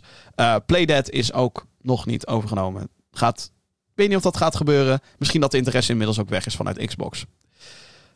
Dan komen we bij nog wat juicy namen. even wat, wat, meer weg uit de indie-sfeer en wat meer groter.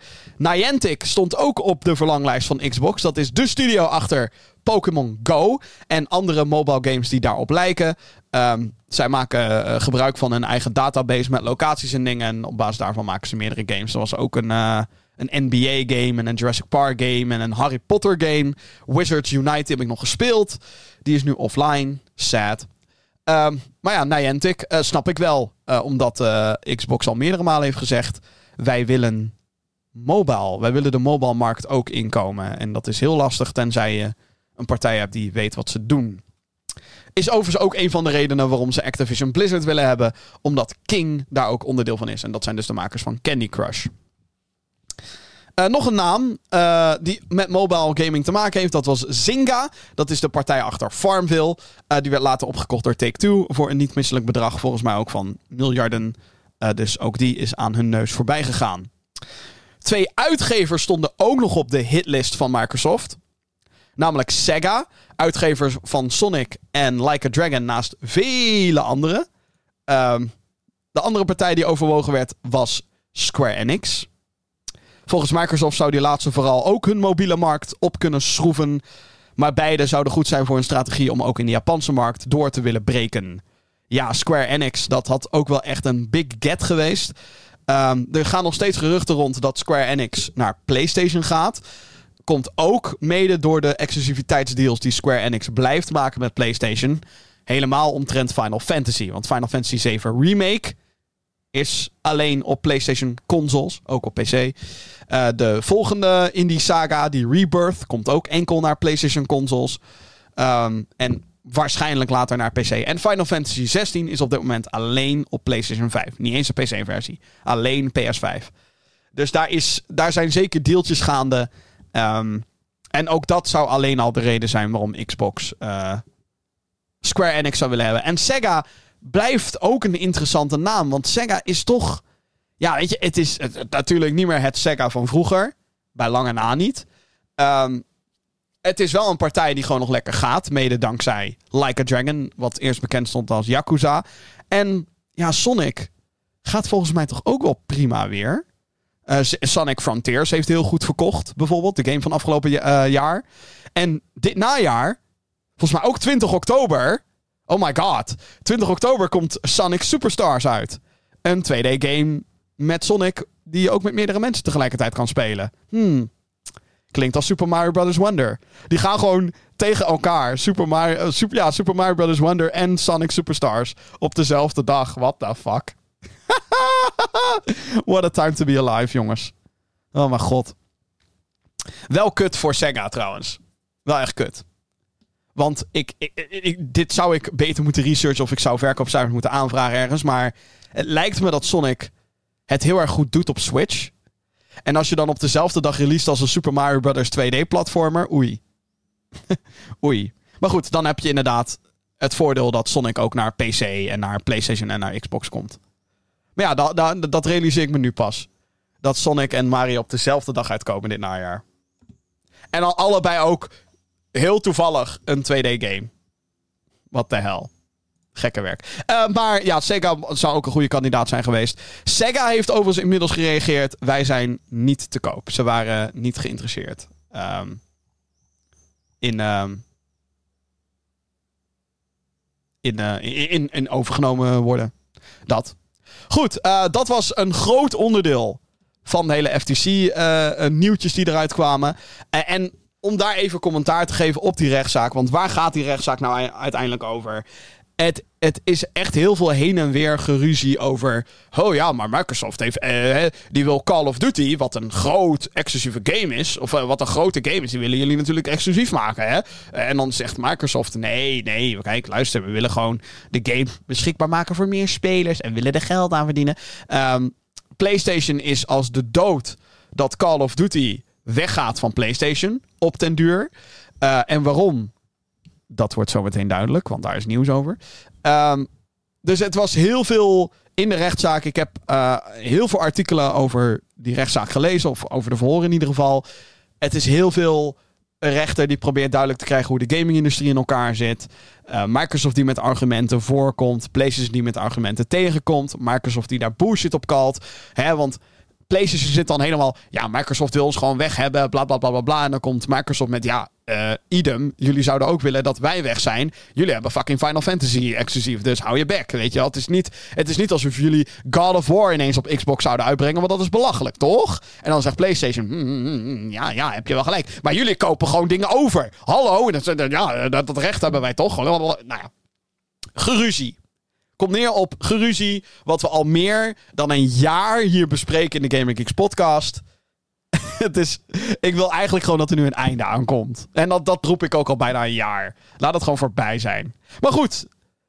Het leuke van zo'n rechtszaak is wel is dat er dus nog meer interessant nieuws uitkomt. Zoals nieuws over IO Interactive. Wie zijn IO Interactive, Jim? Dat ga ik je vertellen. Niet alle ontwikkelaars die op de verlanglijst stonden van Xbox heb je namelijk gehoord. Verre van zelfs, wat ik al zei, lijst met 100 namen. Uh, eentje die nog zeker benoemd moet, uh, moet worden, is IO Interactive. Dit is de studio die vooral bekend staat om de Hitman-franchise. Eerder werden zij afgesplitst van uitgever Square Enix. En sindsdien zijn ze onafhankelijk verder gegaan. Dit was anderhalf jaar geleden, geloof ik. Op dit moment werken ze aan een James Bond game. En dat gaat heel erg goed. Sterker nog, deze week werd bekendgemaakt dat ze nog een nieuwe locatie gaan openen. In. Sorry, ik had even een broertje. In Brighton.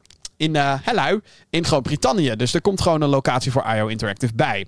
Logisch wel, aangezien IO niet alleen uh, de James Bond game in ontwikkeling heeft. Ze hebben ook nog twee andere games in ontwikkeling en eentje daarvan komt, als het om consoles gaat, exclusief naar Xbox. Omdat deze wordt uitgegeven door Xbox Game Studios. Zo is bekendgemaakt in die rechtszaak. Uh, dit is hoogstwaarschijnlijk het eerder aangekondigde Project Fantasy. Een online RPG die moet aanvoelen als een mengeling tussen Warcraft en Destiny. Over de derde game die in ontwikkeling uh, zou zijn, weten we nog niets. Het lijkt er ook niet op dat IO Interactive voorlopig overgenomen gaat worden door Xbox. Maar dat een uitgeversovereenkomst wat betreft Project Fantasy wel een stap kan zijn in die richting. Dus. Interessant. heel eerlijk, dit Project Fantasy was dus al een tijdje bekend is volledig over me heen gegaan. Volledig over mijn hoofd. En ik dacht toen van, oh ja, ze hebben een of ander project en daar willen ze gewoon mensen voor aannemen. Dat is ook vaak waarom sommige projecten heel vroeg wordt aangekondigd. Omdat ze dan nog eigenlijk nog een team aan het samenstellen zijn die de game moeten gaan maken. Dan hebben ze een concept en ze hebben pre-productie gedaan. En het is van oké, we hebben nu mensen nodig. En dan is het ook wel goed om uh, alvast een project aan te kondigen. Uh, en zeker ook onder een vage naam zoals Project Fantasy. Um, ja, IO heeft dus een deal getekend met Xbox om in ieder geval een game te maken voor Xbox. Uh, dit zijn deals die je moet hebben. Uh, dit doet Xbox al jaren, dit doet PlayStation al jaren. Dat zijn dan zogeheten second-party games. Dus dat zijn games die gefinancierd en uitgegeven worden door een consolemaker. Um, maar dat betekent niet dat de studio per se ook van die consolemaker is. En dit zijn. Um, sterker nog, PlayStation heeft hier het meeste ervaring mee. Want Housemark en sterker nog, de eerste Spider-Man game was technisch gezien een second party. Uh, dus dat is interessant. Um, maar ja, Project Fantasy. Ik ben heel erg benieuwd waar ze mee gaan komen. Uh, vooral in deze nieuwe, dit nieuwe tijdperk voor I.O. Los van Square Enix. Waarin ze waarschijnlijk ook wat meer de vleugels kunnen spreiden. Omdat Square Enix al heel snel vond dat als je game niet 185 miljoen verkochte exemplaren had, dat het dan een teleurstelling was. Dat was uh, met Tomb Raider zo. Tomb Raider 2013, dus dit is al een hele tijd geleden. Verkocht toen, wat was het? 3 miljoen exemplaren of zo in het najaar dat het uitkwam. Eh, mooi, heel mooi getal. Heeft waarschijnlijk gewoon dikke winst geboekt. Maar Square Enix vond het teleurstellend. Want die had 7 miljoen verwacht. Zoiets. Een of andere gekke, gek, veel te hoog getal. Hmm. Uh, dus ja, benieuwd naar die game. Uh, dat het een Xbox exclusive wordt, dat weten we nu. Kan natuurlijk ook gewoon zijn dat het een compleet andere game is. Dat het niet die fantasy game is. Maar wie gaat dat zeggen? Uh, nou ja, ooit gaat het gezegd worden. dat weten we wel. Um, dus ja, IO Interactive. Ik ben vooral heel erg benieuwd naar die James Bond game. Maar het lijkt erop dat we daar nog een aantal jaar op moeten wachten voordat we ooit nog wat gaan zien. Dan nieuws over ta -ta -ta Starfield. Want uitgever Bethesda kreeg ook aandacht tijdens de rechtszaak tussen Xbox en de FTC.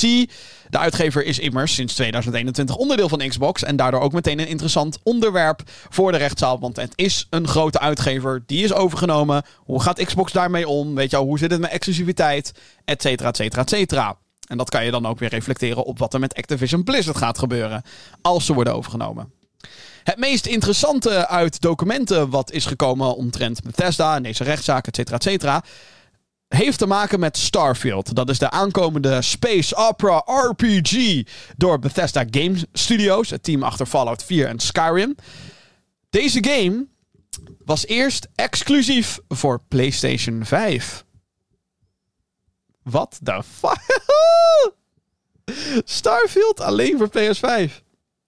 Uh, dit zou uh, het vervolg zijn geweest op tijdelijke exclusiviteitsdeals omtrent Deathloop en Ghostwire Tokyo. Um, die inderdaad een jaar exclusief zijn gebleven. Uh, want die deals waren al getekend met Bethesda. En toen kwam Xbox en die nam, namen ze over. Die deals werden gewoon. Hè, die, werden waargemaakt, zeg maar. Um, en de exclusiviteit van Starfield was ook een reden voor Xbox om de uitgever over te nemen. Die dachten: hallo, wacht even. Als Starfield exclusief naar PlayStation komt, hier moeten we een stokje voor steken. En dat verklaart eigenlijk ook wel meteen waarom Starfield niet naar PlayStation komt. Dus ook meteen een dikke middelvinger naar PlayStation. Wow, jullie wilden deze game exclusief? We'll just buy the whole fucking thing. Het doet me een beetje denken aan. Uh, uh, aan, aan een scène in The Justice League. Uh, de film, de superheldenfilm. Uh, waarin aan het eind dat Clark Kent daar dan staat en dan zegt... of was het Batman v Superman? Ik weet niet eens meer welke. Maar Clark Kent staat er dan samen met Bruce Wayne... staan ze naar de Kent Farm te kijken, het boerderij van, van Clark.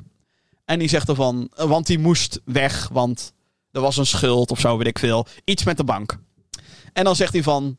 Huh, hoe heb je de bank overtuigd? En dan zegt Bruce Wayne: I bought the bank. Dit is exact wat Xbox heeft gedaan. Huh. Hoe krijgen we Starfield op Xbox? Van Bethesda. We kopen Bethesda. What the fuck? I love it. Oh man. Dat is echt, dat kan je alleen maar in films verzinnen, maar het is, uh, het, het is gebeurd. Ja. Het is uh, Starfield PS5 exclusive. Was de bedoeling dus. Nu niet meer. Nu PC en Xbox. Op 6 september. Wauw. Dit is wel. Uh, nu merk je zeg maar hoe vies er soms gespeeld wordt. En hoe hard partijen bereid zijn om te gaan. Om iets voor elkaar te krijgen. En I kid you not. Nu klinkt Xbox als een fucking bad guy. Zo van, what the fuck, serieus, ik, bedoel, er zitten natuurlijk meer voordelen aan het feit dat ze Bethesda over hebben genomen. Veel meer voordelen. Um, maar PlayStation doet ook dit soort shit, hè?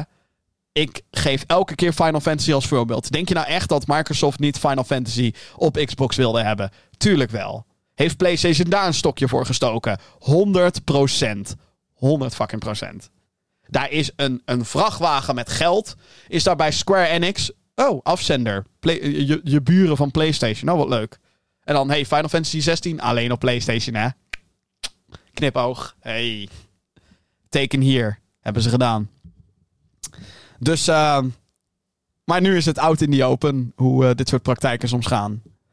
En uh, ja, je moet je ook zeker niet verbazen dat uh, bijvoorbeeld, het kan natuurlijk ook net zo goed zijn dat PlayStation Bungie heeft gekocht omdat ze in onderhandeling waren met Microsoft of Housemark of Insomnia Games of wie dan ook.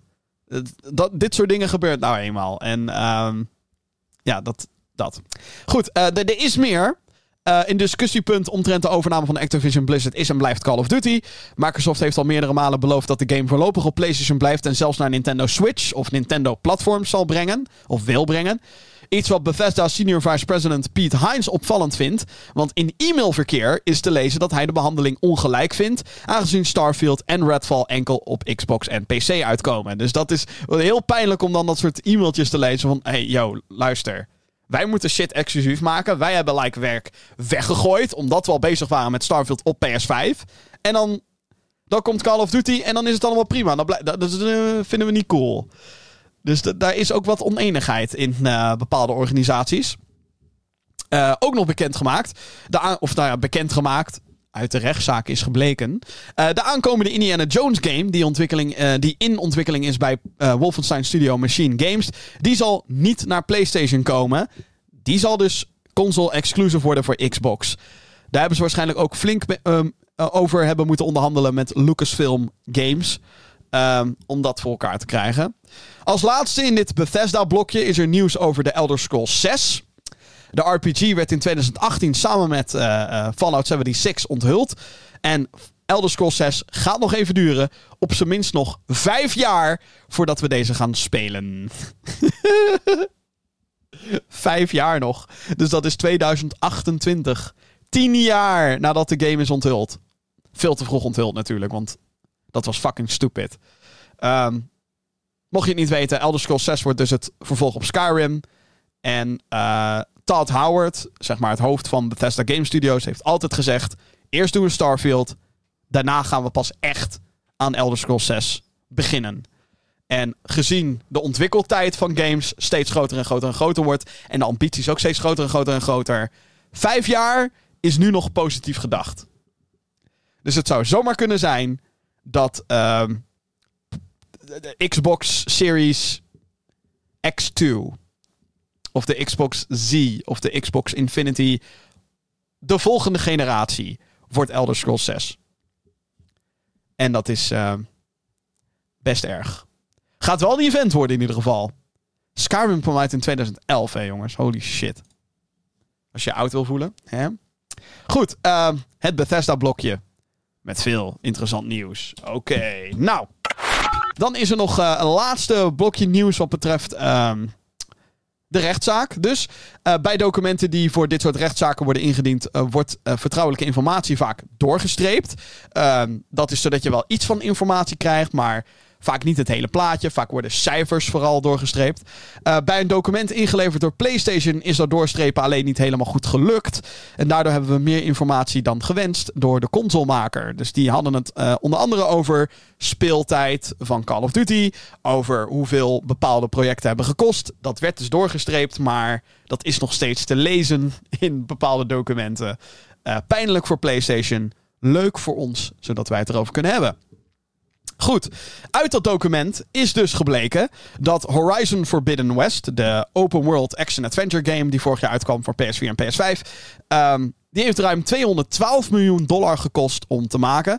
En daar hebben 300 mensen aan gewerkt. Holy shit. Ja, dat is duur. Uh, niet zoveel als hele dure Hollywoodfilms. Daar kijk je al heel snel naar 250 tot 300 miljoen dollar. Uh, en dat is dan exclusief marketing. En dat zal hier denk ik ook wel zo zijn. Dus het zit een beetje gelijk daaraan. Um, wat levert meer op, is dan de vraag.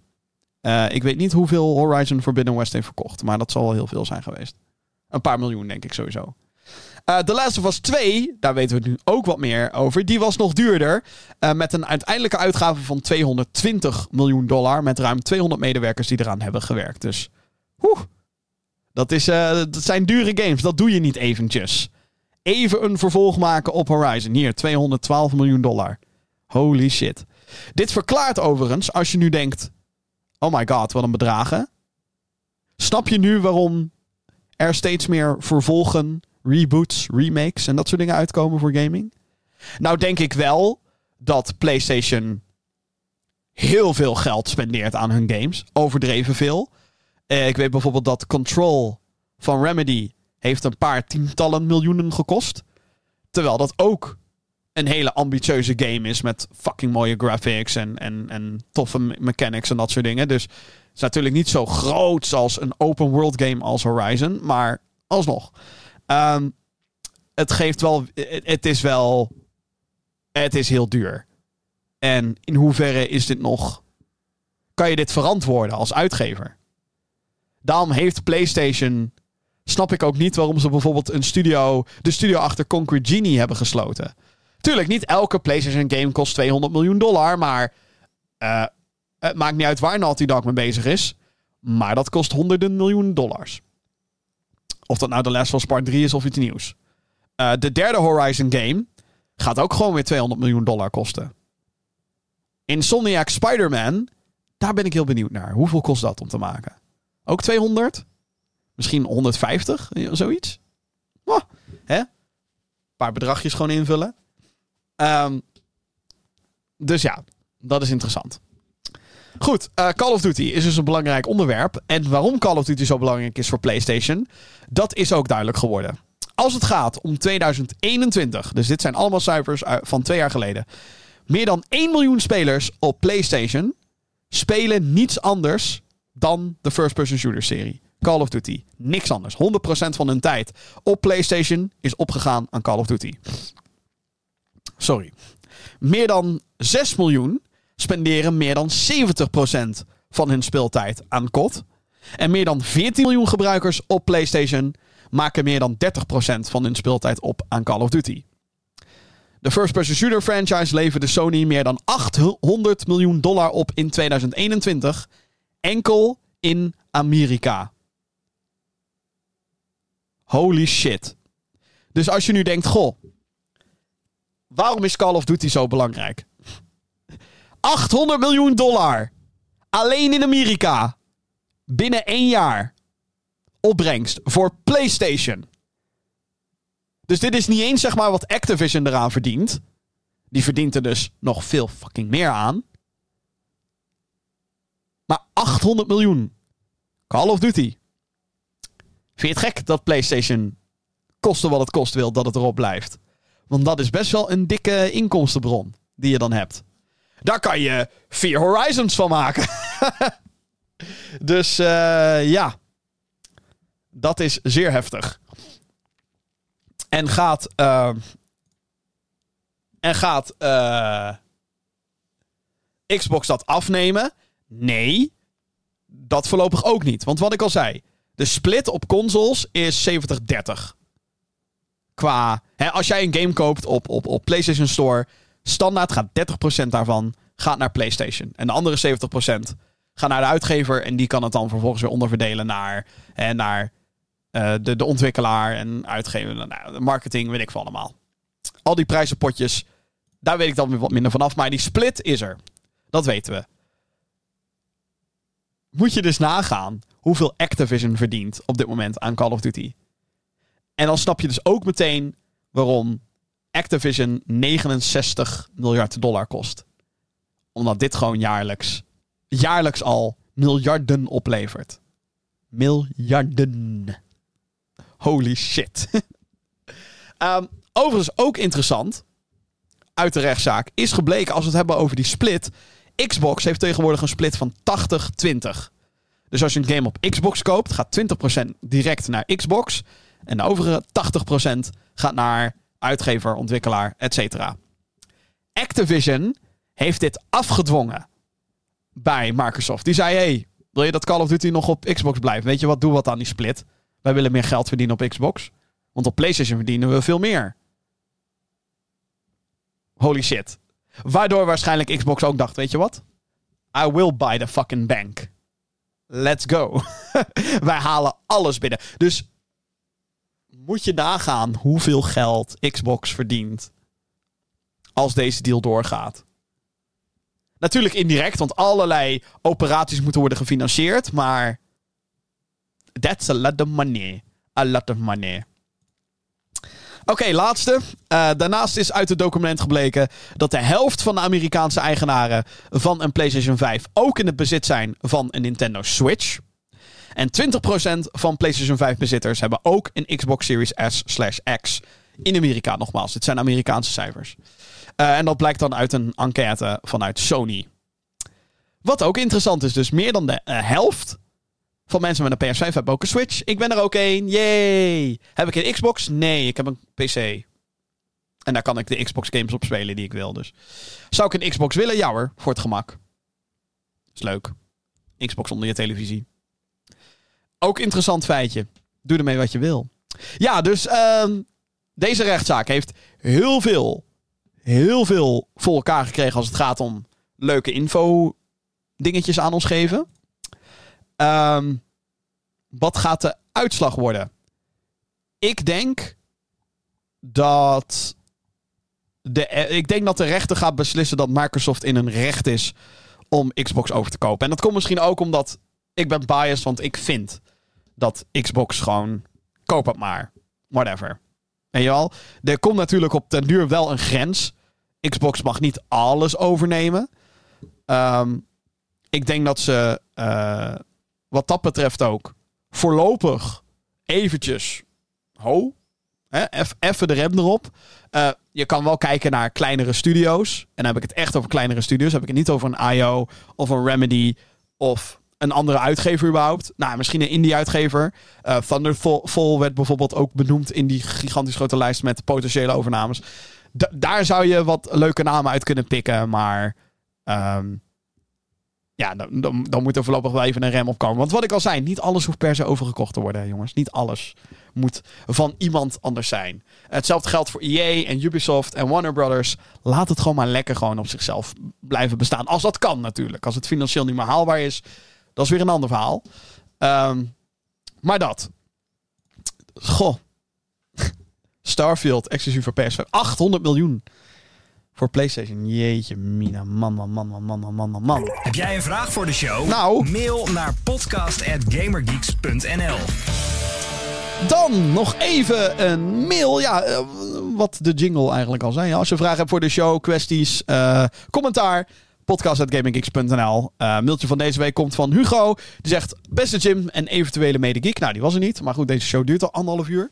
Zonder medegeek, dus moet je nagaan. Uh, ik heb laatst Doom Eternal uitgespeeld. En ik zit een beetje te twijfelen of ik de DLC moet kopen. En als je hem gespeeld hebt, wat vond je ervan? Groetjes Hugo. Ik heb alleen het eerste deel van The Ancient Gods gespeeld voor Doom Eternal.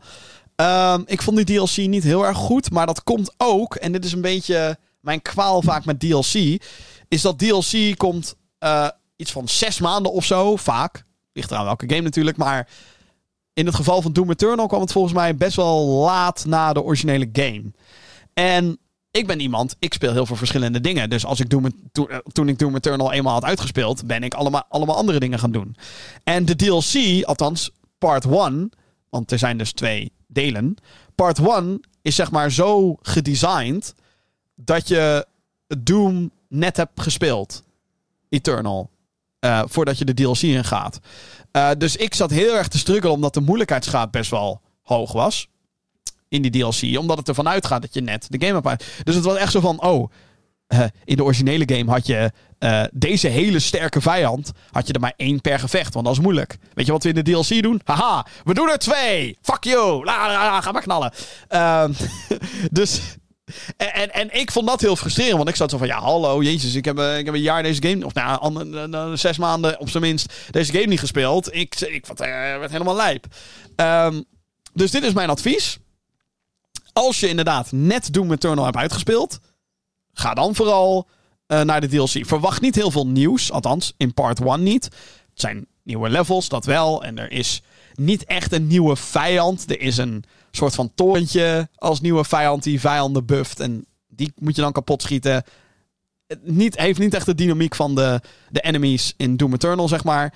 Um, maar ja, als je dat leuk vindt, ja, natuurlijk ga je gang. Uh, is het niet in de aanbieding nu? is nu Summer Sale op Steam. Kijk hoor, Doom Eternal DLC. Ancient Gods. Kijken hoor. Part 1, 8 euro. Ja, is in de aanbieding. De Year One Pass. Met, uh, hoe heet het? Beide expansions 12 euro. Ja joh. Nu het in de aanbieding is, uh, zou ik het vooral doen. Waarom niet? Tot uh, eh, 13 juli is de Steam sale. Dus je hebt nog een week om deze podcast te horen. En mijn advies. Anders niet, heb je misschien pech. Maar dat zou mijn advies zijn. en dat heb ik vaker hoor met DLC. Dat ik, ik heb dan een game aan het spelen rond launch. En dan heb ik het uitgespeeld. En dan komt maanden later komt de DLC en denk ik, ja, ben er nou al klaar mee met de game. In die zin is het misschien ook wel gewoon beter om te wachten met games. En dan, oh hé, hey, er komt nu DLC. Leuk. Dan kan je dat allemaal achter elkaar spelen. Maar goed, dat, uh, het is maar net hoe je, hoe je erin zit. Zelf natuurlijk. Um, bedankt voor je mailtje, Hugo. Dus uh, ook uh, jij, jij, als jij luistert. Heb jij een vraag voor de show? Ja. Mail naar podcast.gamergeeks.nl En daarmee ben ik aan het einde gekomen van deze aflevering van de Gaming Geeks podcast. Het was een hele lange, maar goed, er was dan ook heel veel te bespreken. Onder een fantastische Nintendo Direct en een rechtszaak met heel veel holy shit informatie. Uh, fijn dat ik er allemaal doorheen ben gekomen. En ik wil jou hartstikke bedanken dus voor het luisteren. Mocht je nou tot zover ben gekomen en dit is de eerste keer dat je naar de Gaming Geeks podcast luistert. Nou, chapeau. Je hebt het gered. Dankjewel. Uh, abonneren kan natuurlijk op deze show. Dat kan je doen via je favoriete podcast-app. Zoals bijvoorbeeld Apple Podcasts of Spotify.